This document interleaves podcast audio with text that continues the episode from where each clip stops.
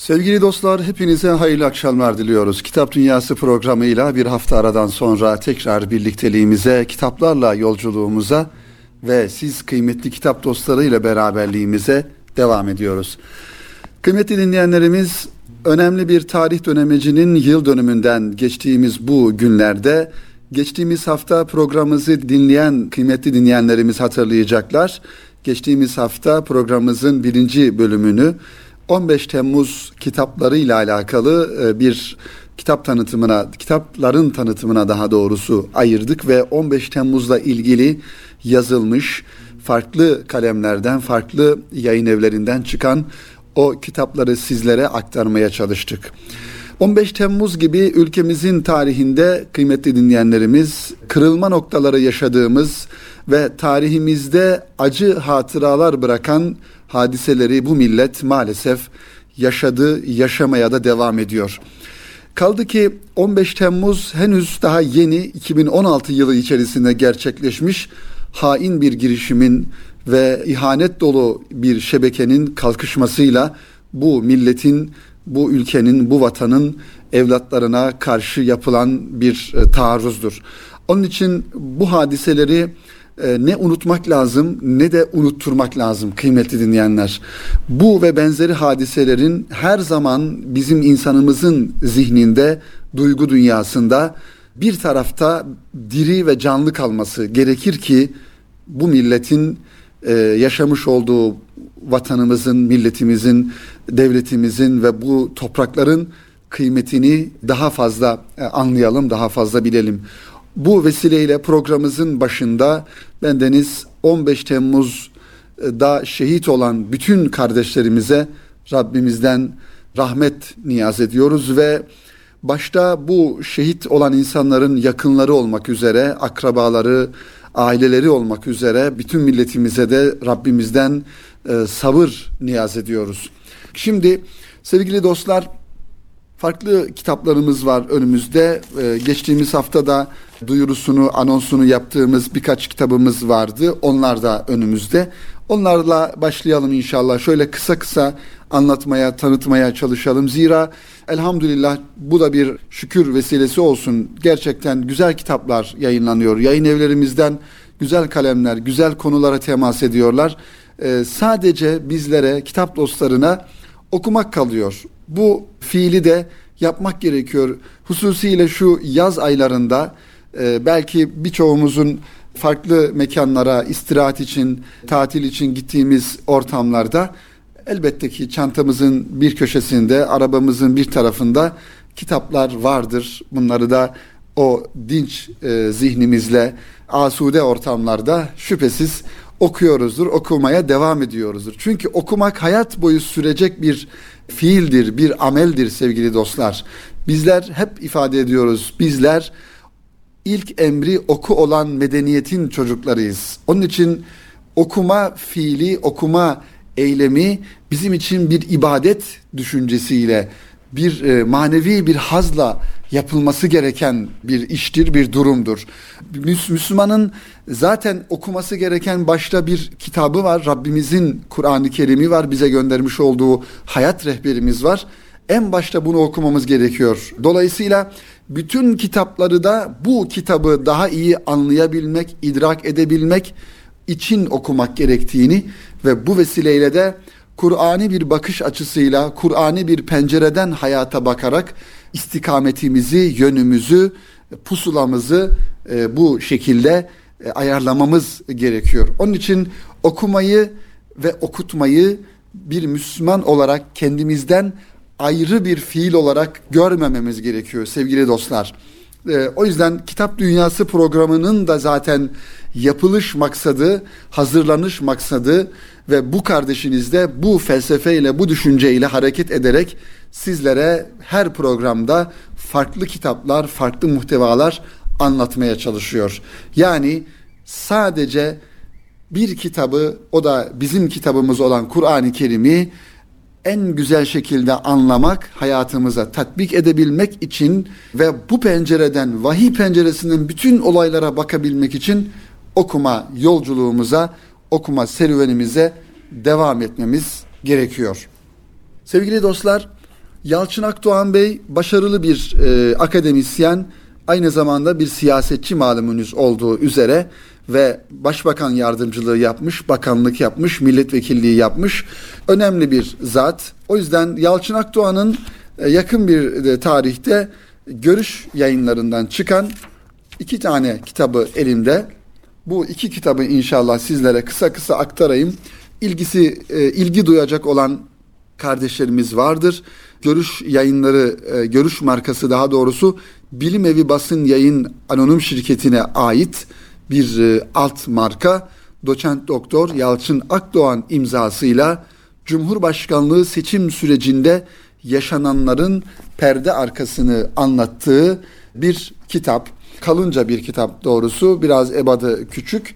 Baktığımızda 589 sayfadan oluşuyor. İfade ettiğimiz üzere ilgili olan kardeşlerimizin daha çok alıp okuyacağı siyasete, siyasetteki hadiselerin arka planına meraklı olan kardeşlerimizin okuyabileceği bir kitap. Şöyle birkaç cümleyle ifade edilmiş arka kapak yazısında 11. Cumhurbaşkanlığı seçim sürecinde yaşananlar 367 skandalı, Abdullah Gül'ün aday gösterilmesi ve Anayasa Mahkemesi'nin seçimi durdurması, 27 Nisan bildirisi, hükümetin bu bildiriye karşı yaptığı açıklama, 22 Temmuz seçimleri ve Abdullah Gül'ün Cumhurbaşkanı olarak seçilmesi, 21 Ekim referandumu, Amerika Birleşik Devletleri ziyareti ve Bush görüşmesi 2007'ye damgasını vuran siyasi olaylardandır diyor. Cumhurbaşkanı ki o zaman başbakan olan Recep Tayyip Erdoğan'ın dış temasları Suriye ve İsrail'in ilişkilerde öne çıkardığı hassasiyetler 2014'ün tartışma konusu olan dershaneler ve internet düzenlemesiyle ilgili görüşleri, yeni anayasa ve medeniyetler ittifakı gibi önemli konularda yürütülen çalışmalar 2007'de ilgi çeken konular arasındaydı. 2007 yılında yaşanan önemli olaylara ışık tutan bu çalışma Recep Tayyip Erdoğan'ın konuşmaları etrafında dönmekle birlikte çok önemli perde arkası bilgiler ve siyasi gözlemler içermektedir.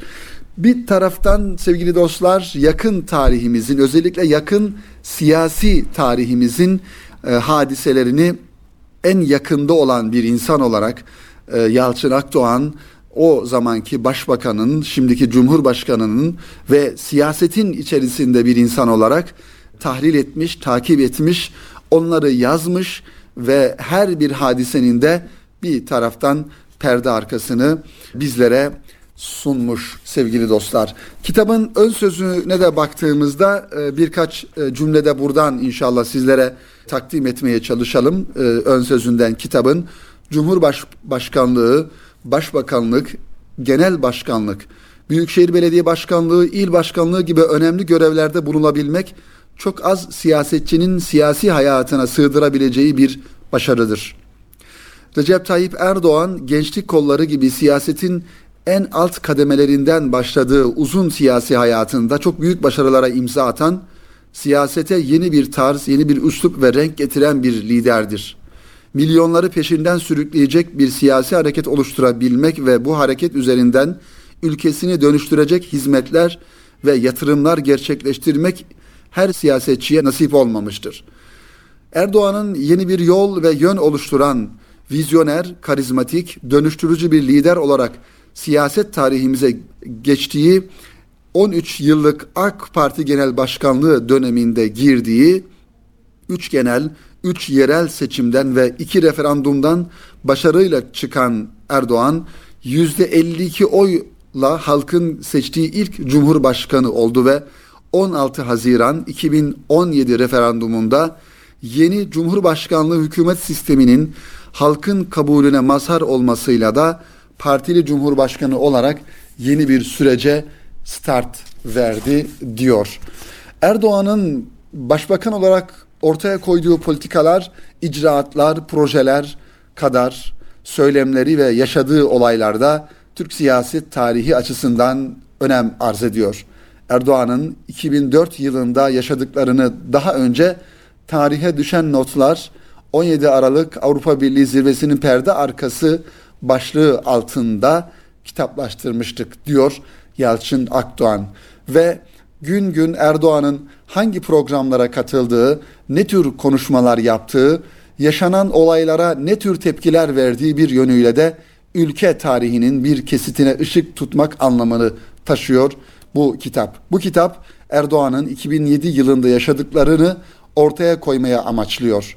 Erdoğan'ın katıldığı programlar, yaptığı konuşmalar, ülke gündemindeki olaylara verdiği tepkiler günlük olarak gün gün ele alınıyor. Bu kitap bir tarih kitabı veya bir siyasi analiz raporu olmamakla birlikte Erdoğan'ın söylemleri üzerinden ülke gündemini takip etmek ve yaşananları farklı bir boyutuyla görme imkanı sunuyor diyor e, bizlere Yalçın Akdoğan bu kitabının takdim ve ön sözünde kıymetli dinleyenlerimiz. Efendim ifade ettiğimiz gibi özellikle yakın siyasi tarihi merak eden e, dinleyenlerimizin okuması gereken kitaplardan bir tanesi. Gerçi biz millet olarak aslında her birimiz bir yönüyle e, siyaseti gün gün adım adım takip ediyoruz. E, televizyon programlarından, gazetelerden, sosyal medya mecralarından ve aynı zamanda gazete yazarlarından e, bir manada takip ediyoruz. Ancak olayları daha sağlıklı yorumlayabilmek, olayları daha doğru zeminde değerlendirebilmek için elbette ki siyasetin içerisinde ve bizzat e, siyasetin içinde beraber bu, bu işleri, bu hadiseleri yaşayan insanların değerlendirmeleri, yazdıkları, tespitleri daha da e, önemli olduğunu düşünüyoruz. düşünüyoruz. Çünkü zaman zaman ki çoğunlukla da öyledir. E, Türkiye'de ekranlardan, gazete sayfalarından, manşetlerden gördüğümüz siyasetle perde arkasındaki yapılan siyaset hiçbir zaman birbirinin aynı değildir sevgili dostlar. Onun için e, siyasi analizlere merak duyan kardeşlerimizin bu kitapları okumalarını tavsiye ediyoruz. Yine ikinci kitabı Yalçın Akdoğan'ın aynı markayla yine görüş yayınlarından çıkmış 27 Nisan bildirisi ve sürecin perde arkası. E, malumunuz 27 Nisan bildirisi şu an Cumhurbaşkanı olan Cumhurbaşkanımızın başbakanlığı döneminde e-muhtıra olarak o zamanki Genelkurmay Başkanı olan Yaşar Büyük Anıt'ın imzasını taşıyan ve hatta kendilerinin bizzat ben hazırladım metnini dediği ki daha sonra metni hazırlayanların e, başkaları olduğu, başka gazetecilerin olduğu ortaya çıktı. Bu 27 Nisan bildirisi ne karşı o zaman siyasetin, siyasetçilerin tavır koyması, dik durması ve Genelkurmay Başkanlığı, Genelkurmay Başkanı nihayetinde Başbakan'a bağlı bir kurumdur. TSK Başbakan'a bağlı bir kurumdur diye bunu açık bir şekilde ifade ederek tavırlarını koyması neticesinde bir manada onlara ayar vermesi neticesinde o zamanki dik duruşla bir tarihi dönemeç yaşanmış oldu. Çünkü Türkiye kıymetli dostlar malumunuz darbelerle darbelerle e, her 10 yılda bir darbelerle yüzleşmiş, darbeleri yaşamış ve bu darbelerin yaşanması neticesinde de 10 yıl, 20 yıl, 50 yıl geriye gitmiş kendi içindeki e, bir takım şebekelerle, bir takım güçlerle, odaklarla uğraşmaktan ne bir atılım yapabilmiş ne de bir sıçrama yapabilmiş maalesef.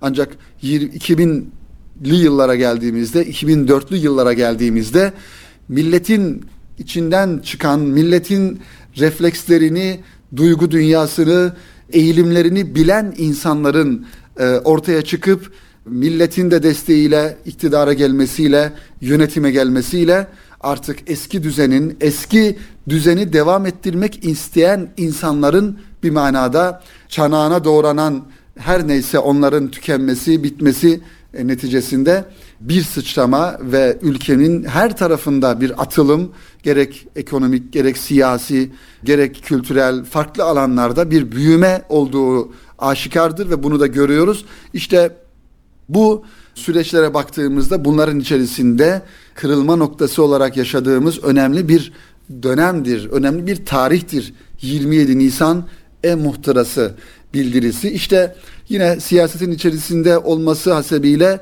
perde arkasını yazabilme ehliyetine, liyakatine sahip bir insan olan Yalçın Akdoğan bu eserini e, kaleme almış. Bu kitapta yine 574 sayfadan oluşuyor.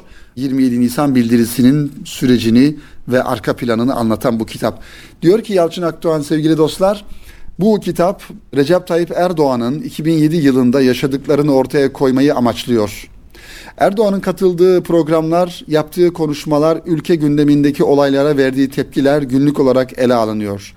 Bu kitap bir tarih kitabı veya bir siyasi analiz raporu olmamakla birlikte o zamanki olayları her türlü veya farklı boyutlarıyla ele almayı hedefliyor. Terör olaylarının artması ve şehit cenazeleri, referandum gün günü gerçekleşen Dağlıca saldırısı, anafartalarda gerçekleşen bombalı eylem ve Hrant Dink suikasti ve Malatya Zirve Kitap Evi saldırısı 2007'de yaşanan acı olaylardan bazıları. Erdoğan'ın dış temasları Suriye ve İsrail ile ilişkilerde öne çıkardığı hassasiyetler, 2014'ün tartışma konusu olan dershaneler ve internet düzenlemesiyle ilgili görüşleri, yeni anayasa ve Medeniyetler İttifakı gibi önemli konularda yürütülen çalışmalar bu konuların arasında. Evet, baktığımızda e, biraz önceki kitabın arka kapağında benzer ifadeleri görüyoruz. Bakıyorum şöyle kitabın e, ön sözüne farklı ifadeler var mı? Evet, Tayyip Erdoğan'la alakalı e, buradaki düşünceleri aynı şekilde ifade etmiş. Yalçın Akdoğan. Kitabın içindekiler bölümüne şöyle bir göz atalım kıymetli dinleyenler. Burada yine aynı şekilde gün gün, tarih tarih, ay ay Yalçın Akdoğan'ın o zamandan beri kaleme aldığı yazılardan oluşan ve 27 Nisan e-muhtırasının perde arkasına ışık tutan yazıları görüyoruz. Bunlardan mesela Hrant Dink'in hedef seçilmesi manidardır diye bir yazı başlığını görüyoruz. Katilin yakalanması Türkiye'nin kalkınmasına e, kurşun sıkanlara ders olur demiş. Evet. Baktığımızda şöyle e, Şubat ayında mesela yazılan yazılar var. Mart ayında yazılan yazılar var ve 27 Nisan 27 Nisan'a baktığımızda tarihi dik duruş başlığında bir yazı kaleme aldığını görüyoruz ve o dönemlerdeki hadiselere bakış açılarını ortaya koymuş bu kitabı da sevgili dostlar e, görüş yayınlarından Yalçın Akdoğan imzasıyla ilgili kardeşlerimiz e, okuyabilirler, ilgilenebilirler efendim. Kıymetli dinleyenlerimiz Kitap Dünyası programında zaman zaman e, yüreğimizin bir köşesinde e, müstesna yeri olan mekanlarla, yerlerle, şehirlerle ilgili kitapları gündeme taşımaya çalışıyoruz. Ve özellikle kalp coğrafyamızın içerisinde nadide bir yeri olan Kudüs ve bu bağlamda Filistin elbette ki her birimizin gönül dünyasında çok farklı ve müstesna yeri vardır bu mekanların. İşte bu anlamda bir kitaptan sizlere bahsetmek istiyorum. Uzun zamandır aslında e, gündemimde olan bir kitaptı. Sizlere de aktarmayı, tanıtmayı arzu ettiğim kitaplardan bir tanesiydi. Ancak nasip bu güneymiş.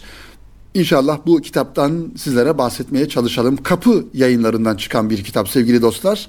Ahmet Turgut imzasını taşıyor. Kitabın ismi Kalbim Kudüs'te kaldı.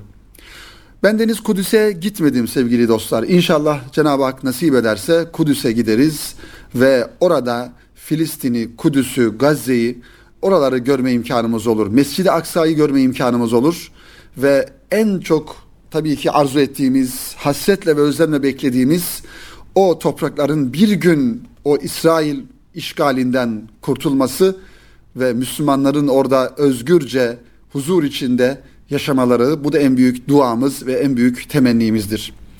Yazar ve senarist Ahmet Turgut'un yeni kitabı Kalbim Kudüs'te kaldı da kadim şehrin 100 yıl önceki kaybedilme hikayesini okuyoruz.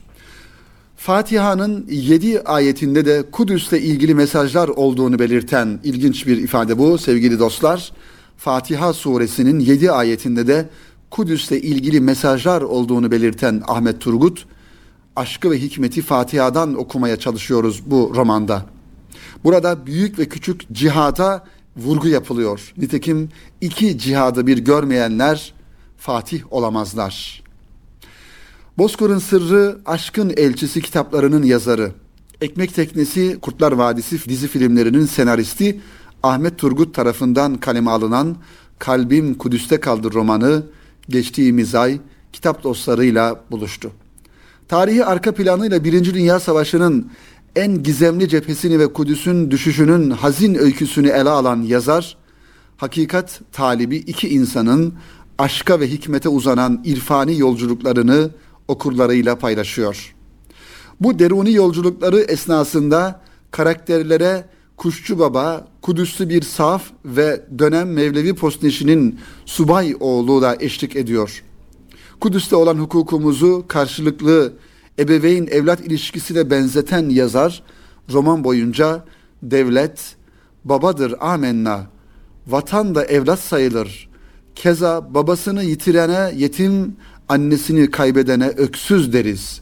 Oysa evladını yitirenler için hiçbir sıfat kullanamıyoruz ki bu acıyı anlatabilsin diyerek Kudüs'e dair yüz yıllık hüznümüzü en güzel şekilde özetliyor. Bizi Kudüs'te sadece babamızı değil, biz Kudüs'te sadece babamızı değil, evladımızı da yitirdik. 12 asırlık yurdumuzu. Kudüs'le ilgili bir roman yazmaya nasıl karar verdiniz sorusuna Ahmet Turgut şöyle cevap veriyor. Gönlüme Kudüs'ü hakkıyla idrak edebiliyor muyuz sorusu düşünce romanın hazırlıklarına başladım. Hristiyanlık, Musevilik ve İslamiyet Kudüs'e pek çok anlamlar yüklüyor. Her üç geleneğin de Kudüs uğruna mücadelesi var. Kudüs'e dair cevabını aradığım ikinci soru 100 yıl önce Kudüs'ün elimizden nasıl ve neden çıktığıydı. Bu sorunun cevabı bir gün yitirdiklerimizi elde etmeye karar verdiğimiz zaman Kudüs'ü nasıl elde edebiliriz arayışının da cevabı aslında. Nitekim neyi nasıl yitirdiğini hatırlamayan veya anlamayan bir toplum yitiklerini nasıl ikmal edebileceğini de bilemez tabii ki. Yine yazara Kudüs hakkında toplum olarak yeterli bilgiye sahip olmamamız sizi bu kitabı yazmaya sevk etti diyebilir miyiz diye soru yöneltiliyor ve o da tabii ki çuvaldızı derinlere batırınca özet bir tahlille diyebiliriz ki İsrail'in en büyük en büyük şansı düşmanlarının Kudüs'ü tanımaktan bile aciz Müslümanlar olması. Evet, bu da çok enteresan kıymetli dinleyenler. İsrail'in düşmanlarının yani İsrail'in düşmanları biz oluyoruz haliyle Kudüs'ü tanımaktan bile aciz oluşumuz bu da onlara büyük fırsatlar veriyor. Kudüs konusunda belki duyarlıyız ama kesinlikle bilgili ve ilgili değiliz. Toplumumuzun bu konuda bilinçlendirilmesi lazım. Keza biz Kudüs'e yaren olabilirsek Kudüs'ü selam beldesi yapan ilkeler ve hikmet de bize yaren olacak. Oysa pek çoğumuz daha Mescid-i Aksa'nın nerede olduğunu dahi bilmiyoruz. Tarih şuuru açısından da nice eksikliğimiz var. Öyle ki Kudüs'ün ilk Müslüman fatihinin Hazreti Davut Aleyhisselam olduğunu bilen ve buna göre Kudüs hakkında söylemler geliştiren çok az insan var. Hazreti Davud'un asli varislerinin bizler olduğunu anlayamazsak maalesef Kudüs'ü Siyonistlere terk etmeye mahkum oluruz. Halbuki biz İslam kimliğimizle 3000 yıldır Kudüslüyüz. Evet, Kudüs bizim kadim vatanımız. Kudüs bizim vatanımız, toprağımız bize aittir. Evet, işte bu e, düşüncelerle Ahmet Turgut kitabını takdim ediyor sevgili dostlar. Kalbim Kudüs'te kaldı ve tabii ki Kudüs'ün şifresi Fatiha'da gizlidir diyor. Neden onu diyor ona da bakalım. Her romanında diyor kurguyu ve metni şekillerin şekillendiren bir sure oluyor benim için diyor Ahmet Turgut. Keza bu romanı şekillendirecek sureyi tespit etmem aylarımı almıştı. Netice itibariyle Kudüs'ü Fatiha üzerinden okumak benim için zihin açıcı oldu. Bu surenin ilk üç ayetinde Cenab-ı Hakk'ın tariflendiğini görüyoruz. Son üç ayeti ise insanlığı tarifliyor. Ortadaki ayette ise Allah ile kulları arasındaki sözleşme ortaya konuluyor.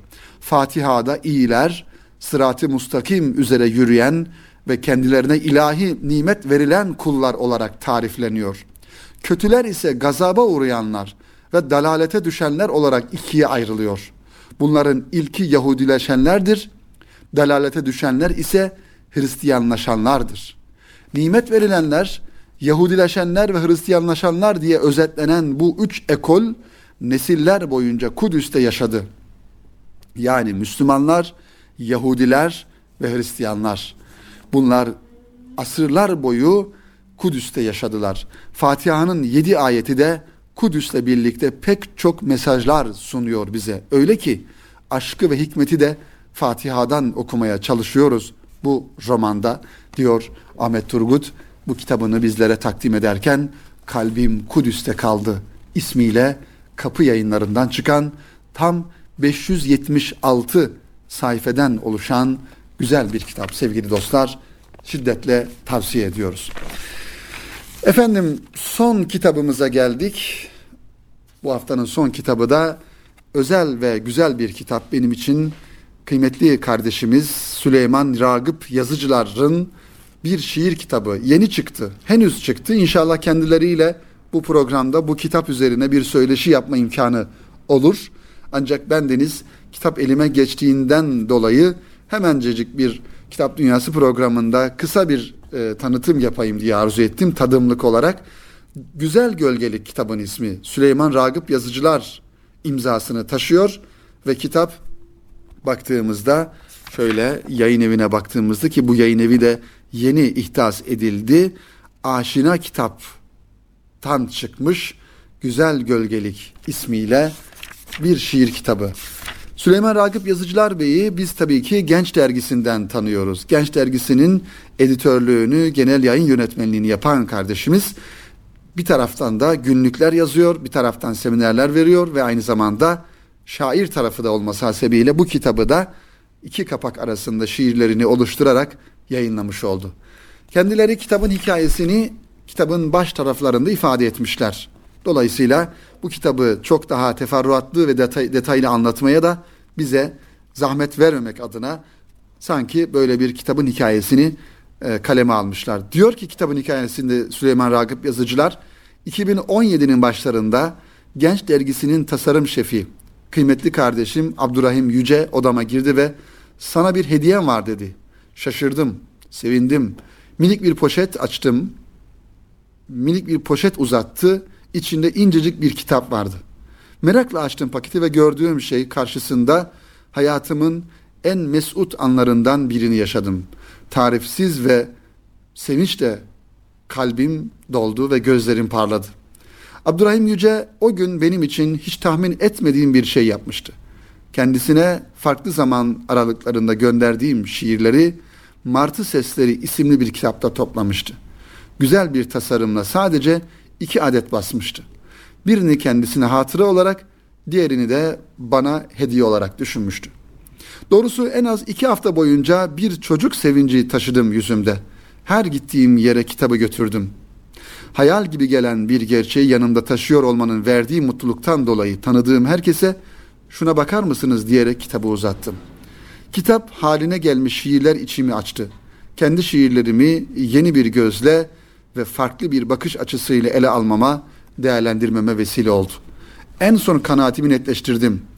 Güzel, insanca ve hoş aslında dedim kendi kendime ve bu kitabın hazırlanmasına doğru yol almış olduk. Güzel Gölgelik 18 ile 33 yaşlarım arasında yazdığım ve yayınlamaya değer cesaret bulduğum şiirlerimden oluşuyor.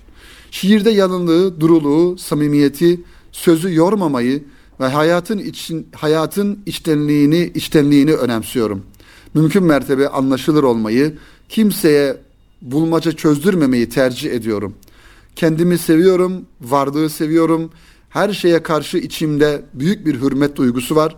Sevgi ve hürmetin rehberliğinde şiirlerimin de kendilerini sevdirecek bir kıvam, ahenk taşımasına gayret gösteriyorum. İçimde çağlayan sonsuz manaların şiir elbisesi giyip insan içine çıkarken önce insanca ve mütevazı durmasını sonra da adının kolay konulmayacağı bir tatlı hisse vesile olmasını arzuluyorum. Kitapta yer alan fotoğraflar mazinin şiirlere muhabbetli bir selamı ve sızı taşıyıcısı olarak yer aldı. Kapak fotoğrafı 1991 senesine ait Esenler'deki oturduğumuz gece konduğumuzun önünde kardeşim Yasin ile ceviz ağacının altındayız. Ve bu şekilde bahtı açık olsun diyor kendi kitabı için Süleyman Ragıp yazıcılar sevgili dostlar. Şiir kitaplarının farklı kaderleri, farklı yürüyüşleri, farklı yol alışları vardır şüphesiz. E, bendeniz de bir taraftan şiirle ilgili olma hasebiyle önemsedim bu kitabı ve sizlere programımızın sonunda Süleyman Ragıp yazıcıların İnandığımız Gibi Yaşamak isimli kitabını, ta, e, şiirini takdim ederek inşallah hem kitabın takdimini, tanıtımını hem de programımızı inşallah sonlandırmış olalım. İnandığımız gibi yaşamak. İnsan bazen suyun akışını izler. Bazen burkulur bilek, yaralanır dizler. İnsan bazen hayattan zevk almaz. Az sabır, akşama bir şeyin kalmaz. Çiğ meyveler karın ağrıtır. Hayret kesik kesik, şiir satır satır. Bacaların üstünde ısınıyor martılar. Mücrim olduğumu söylüyor tartılar. Allah'a tövbe edin diyor okunan ayetler. Kirlenen elbiseyi yıkar gibi kalbi yıkamak. Kabir kapısı açılınca yanacak dünyadaki biletler, tutacak elimizden belki inandığımız gibi yaşamak. Evet, inandığımız gibi yaşamak önemli sevgili dostlar. Zira inandığımız gibi yaşamazsak yaşadığımız gibi inanmaya başlarız. İşte Süleyman Ravi yazıcıların kardeşimizin bu şiirinde de hatırladığımız bu tutacak elimizden diyor belki inandığımız gibi yaşamak. Cenab-ı Hak bizlere gerçekten inandığımız gibi yaşamayı nasip eylesin. Yaşadığı gibi inananlardan da muhafaza eylesin sevgili dostlar. Evet bir kitap dünyası programının da burada sonuna geldik kıymetli dinleyenlerimiz. Umarız faydalı olmuştur. Programımızı başından sonuna dinleyen kıymetli dostlarımız için faydalı kitaplar, faydalı konulara temas etmişizdir. Umarız inşallah önümüzdeki hafta yeni kitaplarla, yeni konularla tekrar buluşmayı ümit ediyoruz. Hepinize hayırlı akşamlar diliyoruz sevgili dostlar. Hoşçakalın.